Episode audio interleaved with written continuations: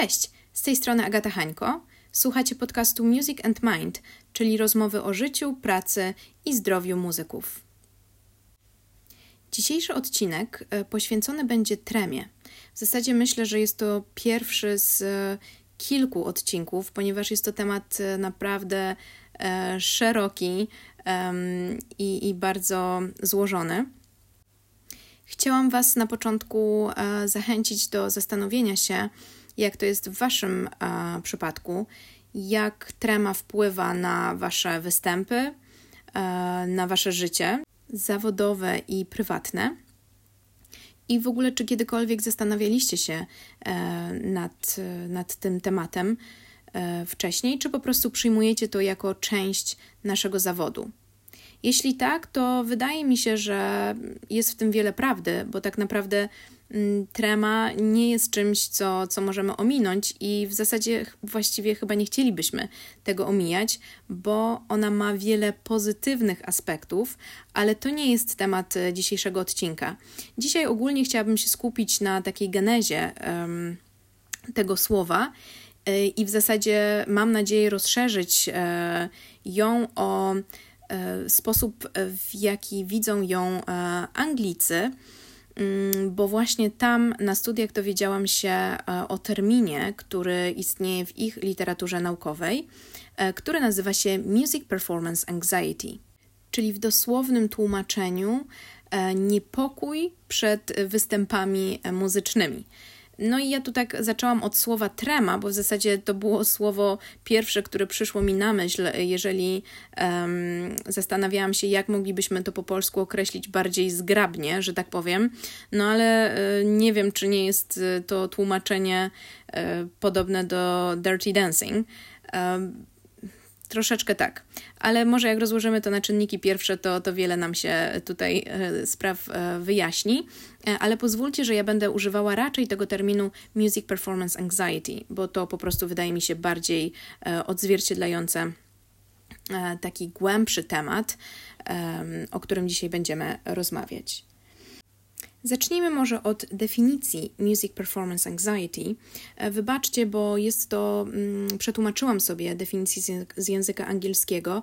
Oczywiście, jak zawsze, e, podlinkuję Wam e, materiały i badania naukowe, na których się opierałam, tworząc ten podcast.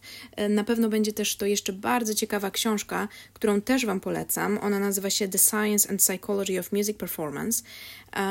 I też podlinkuję Wam e, autorów. Jest ona raczej dostępna, y, myślę, że na angielskich stronach. Ale wróćmy do, e, do definicji. Więc Music Performance Anxiety e, jest to mm, doświadczenie wyraźnego i bardzo silnego lęku związanego z wykonywaniem muzyki, które objawia się poprzez połączenie mm, zaburzeń afektywnych, poznawczych, somatycznych i behawioralnych. I teraz tutaj tak e, tylko e, przypominając, wyjaśniając, co to są zaburzenia afektywne, to są zaburzenia nastroju, czyli te zaburzenia, które będą dotyczyły naszych emocji, um, które mogą się pojawić bezpośrednio przed występem lub oczywiście na, um, na jakiś czas przed.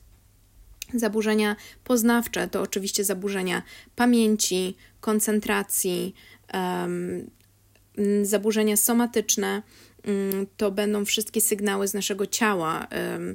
U każdego na pewno będzie to indywidualne odczucie, ale mogą to być e, bóle brzucha, sztywność mięśni, e, biegunka, e, pocenie się rąk, no i wiele innych. Tu jest jakby naprawdę bardzo, bardzo zróżnicowana kwestia.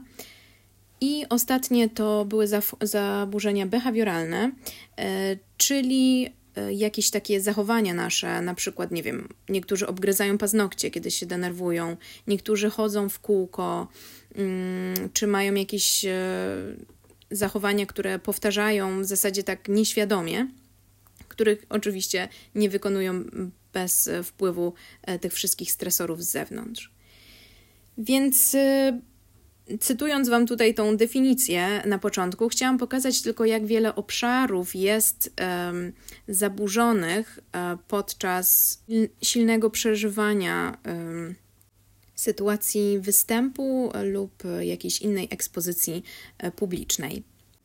I teraz, moi drodzy, jeżeli zostanie przekroczony u nas ten limit przyjęcia stresorów i jakoś poradzenia sobie z nimi, no to włącza nam się bardzo, myślę, że znany już tutaj, bo coraz częściej jest używany ten zwrot, fight and flight e, e, system, no, który po prostu powoduje e, reakcję, zablokowanie jakichkolwiek e, głębszych e, reakcji, umiejętności naszych, e, czy, czy takiego świadomego działania, no i włącza nam się zupełnie reakcja fizjologiczna.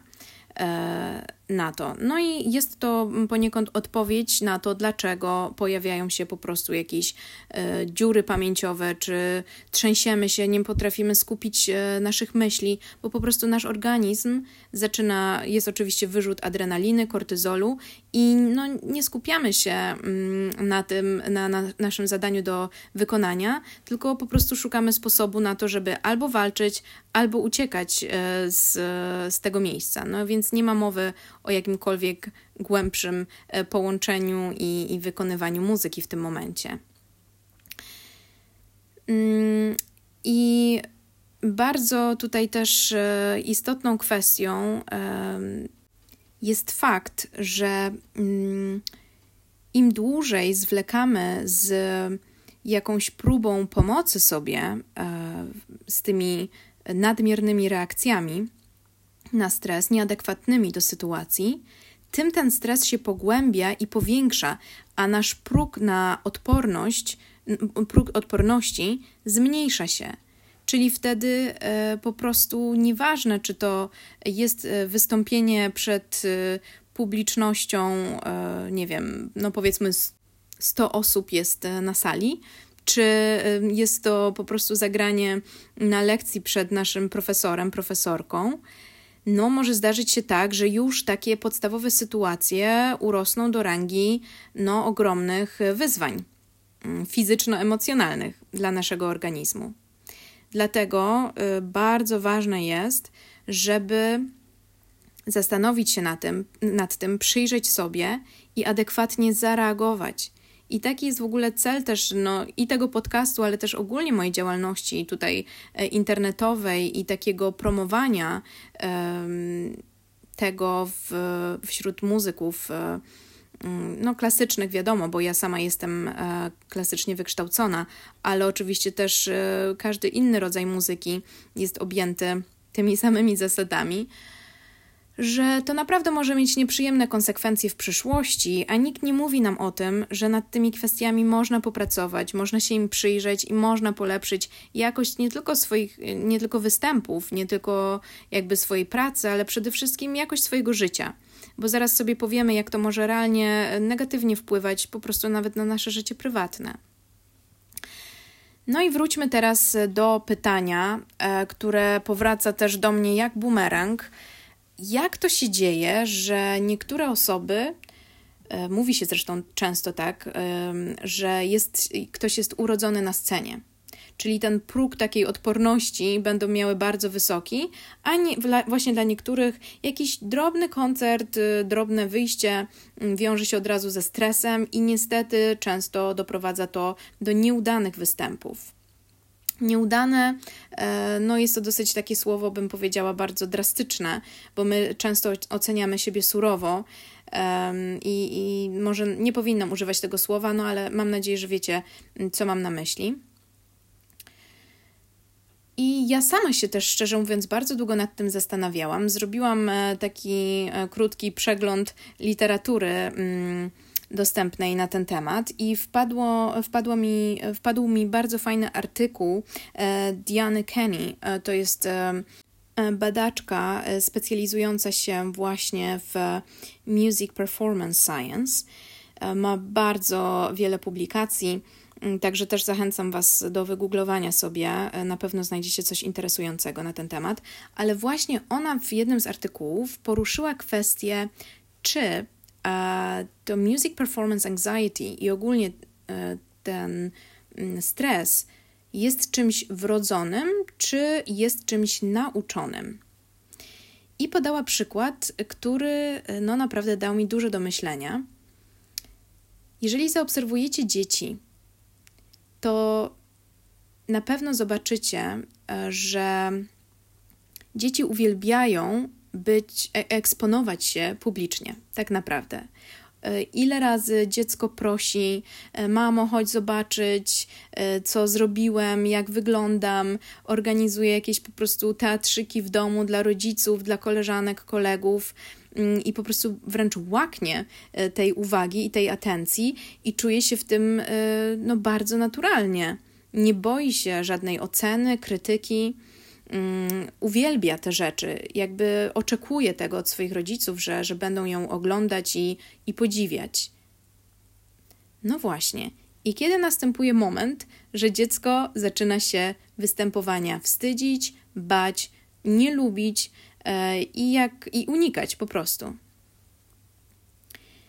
I samo to, że my jakby rodzimy się w większości. Oczywiście to jest generalizacja, ale myślę, że możecie znaleźć masę przykładów um, gdzieś tam w swoim środowisku takich dzieci, czy może sami pamiętacie ze swoich e, lat dzieciństwa, że to było coś naturalnego, to było coś fajnego, to było coś, co, co my naprawdę chcemy i lubimy robić. No i e, jest to poniekąd dla mnie odpowiedź. Oczywiście. Um, nie zacytuję Wam tutaj badań naukowych, zresztą żadne z badań naukowych nie są stuprocentowymi odpowiedziami. Pewnie zdajecie sobie z tego sprawę, bo badania naukowe jedynie, wskazują nam tendencję, kierunek. Um, no i rzeczywiście, jeżeli jest duży. Um, duża tendencja w tą lub w tą stronę, no to możemy mówić tutaj o, o powiedzmy jakiejś tam prawdzie. E, ale ja zawsze podchodzę do tego z dystansem i staram się trochę bardziej też intuicyjnie pytać sama siebie, co ja na ten temat myślę. I akurat intuicja podpowiada mi, że jest tutaj coś, e, co e, mogłoby być odpowiedzią na to, dlaczego mm, niektórzy mm, mają to, to, to naturalne coś, co powoduje, że, że bardzo swobodnie czują się na scenie, a niektórzy nie. No właśnie. I teraz e, załóżmy, że mamy naturalnie w sobie tą, ten, tą, tą cechę, tendencję, e, która, w której lubimy e, eksponować się publicznie. I na przestrzeni lat, na zasadzie uczenia się, nabieramy coraz więcej strachów, obaw, przed oceną, przed byciem nieperfekcyjnym, przed e, krytyką. I to wszystko z czasem, z biegiem lat pogłębia się. Aż dochodzimy często do punktu, w którym no, to staje się silniejsze e, i nie potrafimy już sobie w żaden sposób e, poradzić z tym. I nasze reakcje na, na stres są nieadekwatne do sytuacji. I to też wyjaśnia e, teoria uczenia się. Zacznijmy może od tej podstawowej, e, czyli warunkowania klasycznego. Myślę, że większość z Was wie, o czym mówię. E, teoria Pawlowa, czyli jeżeli nasza reakcja bezwarunkowa mm, jest stymulowana poprzez bodziec warunkowy, to po pewnym czasie, jeżeli one będą równocześnie nam dostarczane, to my będziemy na ten bodziec warunkowy reagować bezwarunkowo, tak samo jak na tą reakcję bezwarunkową. Dobra, trochę się zaplątałam, wytłumaczę Wam to teraz w, myślę, bardziej jasny sposób. Weźmy sobie psa, bo oczywiście od tego eksperymentu wszystko się y, zaczyna. Powiedzmy, że pies dostaje miseczkę pełną y, jedzenia, więc jego reakcja bezwarunkowa to po prostu jest radość, e, merdanie ogonem, ślinienie się i nic, tylko rzucenie się na tą miskę z jedzeniem. I podczas kiedy on je, mm, dostarczany jest mu inny bodziec, na który reakcja normalnie byłaby neutralna. Czyli pies nie zareagowałby w żaden sposób, bo e, jego organizm e, odbierałby jego jako to, to coś jako mm, neutralne. Więc powiedzmy, że będzie to gwizdek, bo gdzieś taki rysunek e, widziałam ostatnio. I podczas kiedy pies je, gwiżdżemy i powielamy to za każdym razem, kiedy on je przez jakiś czas. No i po pewnym, po, po, po pewnym czasie, po pewnym okresie, e, kiedy używamy tego gwizdka, nie dając psu miseczki z jedzeniem, pies reaguje dokładnie w ten sam sposób, bez, niby bezwarunkowo, tak, na gwizdek, tak samo jak na tą miskę pełną jedzenia, czyli merda ogonkiem, cieszy się, jest pobudzony, ślinka mu cieknie i wtedy mówimy o um, warunkowaniu um, klasycznym. Ale na szczęście um, psychologia postawiła e, tutaj, poszła o krok dalej e, i w teorii uczenia się E, też e, jakby zauważono, że uczymy się poprzez obserwację. I właśnie to e, jakby najbardziej intuicyjnie ze mną współgra i ma sens, analizując swoje, swoją no, przeszłość, że tak powiem, ale też obserwując innych. Jeżeli obserwujemy kogoś, Będąc dzieckiem, oczywiście najczęściej to są rodzice, i ich reakcja na pewne bodźce jest um, na przykład e, właśnie stresująca, czy wy, wywołuje u nich jakieś zmartwienie, niepokój, no to e, z dużym prawdopodobieństwem dziecko przejmie dokładnie to samo.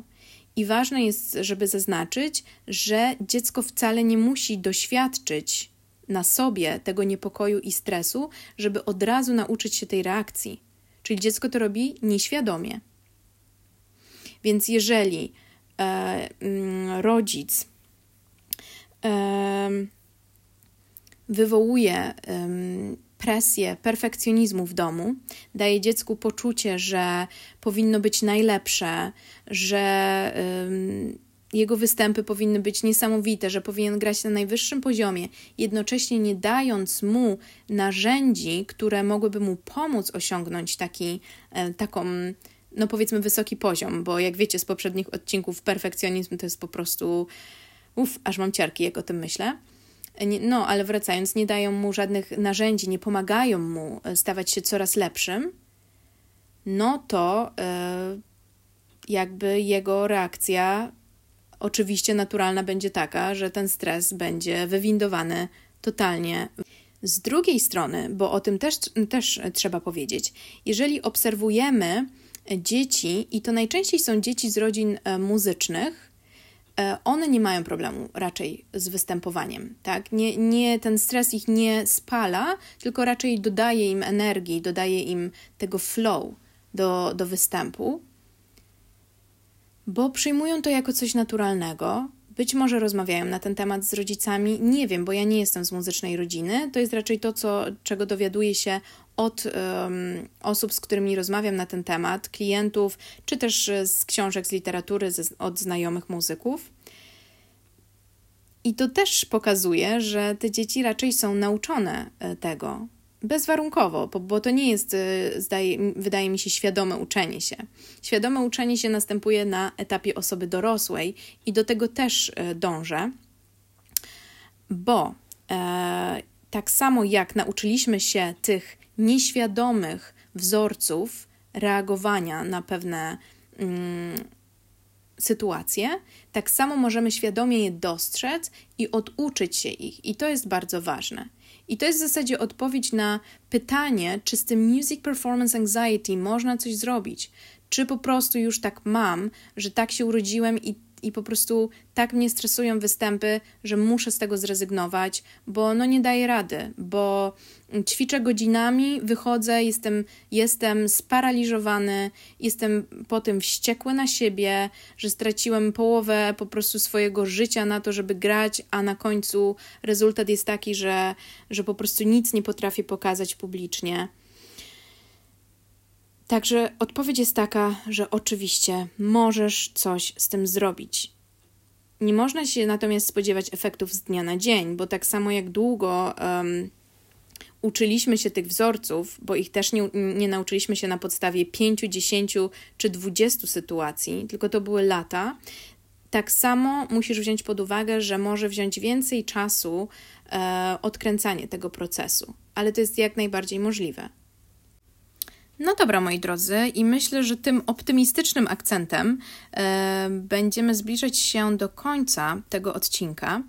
I podsumowując, e, powiedzieliśmy sobie o tym, czym, e, co składa się na Music Performance Anxiety e, w naszej definicji na początku i jak, jaki szeroki zakres e, jakby ona obejmuje e, te definicje, ale samo zjawisko, czyli trema, że trema to nie jest e, jakiś bardzo specyficzny mm, rodzaj odczuć czy reakcji cielesnych, natomiast jest, jest to bardzo szerokie i indywidualne zjawisko, które naprawdę może negatywnie wpłynąć na nasze myślenie, koncentrację, spostrzegawczość, refleks na, na nasze ciało, na nasz oddech, przyspieszone bicie serca i wiele innych reakcji. No i wyobraźmy sobie, jak w takim e, stanie możemy no, jakby grać, jak możemy myśleć o, o frazie, o dźwięku, um, o, o jakichś e, rzeczach głębszych, no kiedy nasz organizm totalnie ma ochotę zrobić coś innego. Nie jesteśmy w stanie, po prostu nie jesteśmy w stanie tego przeskoczyć. O tym, co robić e, w takich sytuacjach, o tym, jak sobie z tym radzić, myślę, że Mm, porozmawiamy w następnym odcinku, chociaż zastanowię się jeszcze, jak te tematy może ułożyć tak, żeby miały one większy sens. Dzisiaj e, chciałam tylko zaznaczyć e, i wyjaśnić bardziej, co rozumiane jest e, pod, pod słowem trema i powiedzieć Wam właśnie o tej bardzo optymistycznej informacji, że możecie na to wpłynąć i nie jesteście tutaj e, totalnie mm, bez jakiejś mocy sprawczej. E, I na waszym miejscu zaczęłabym po prostu od takiego mało oceniającego się przyjrzenia sobie w tych sytuacjach e, występów czy, czy jakichś sytuacji stresujących, kiedy macie zaprezentować się publicznie. Myślę oczywiście tutaj o kontekście muzycznym cały czas. Um, Zobaczcie, co się dzieje z wami. Zobaczcie, jak reaguje wasze ciało, jakie pojawiają się myśli, um, emocje, bo to jest podstawa, żebyście mogli stworzyć własną definicję Music Performance Anxiety. I dopiero wtedy, będąc świadomym e, własnych reakcji, możemy zacząć mm, obserwować je, sprawdzać, kiedy one się pojawiają, z jakim natężeniem, w ogóle dlaczego się pojawiają. Tutaj e, kwestia na pewno myśli. Um, I naprawdę zacząć to zmieniać, i to jest możliwe. To pokazują badania e, naukowe, to pokazuje też moje doświadczenie i doświadczenie wielu e, innych osób. Także to by było na tyle. Ściskam Was bardzo serdecznie. Mm, życzę spokoju, zdrówka i e, jak najmniej negatywnego e, stresu. Do usłyszenia w kolejnych odcinkach. Jeśli macie jakieś pytania, mm, przemyślenia, Będę naprawdę bardzo um, cieszyła się, kiedy um, napiszecie do mnie, czy zostawicie jakiś komentarz. Um, możecie znaleźć mnie na social media, jestem na Facebooku mm, Music and Mind by Agata. Możecie skontaktować się też ze mną e, przez moją stronę internetową www.musicandmindstudio.com. Zapraszam serdecznie i do usłyszenia w następnym odcinku.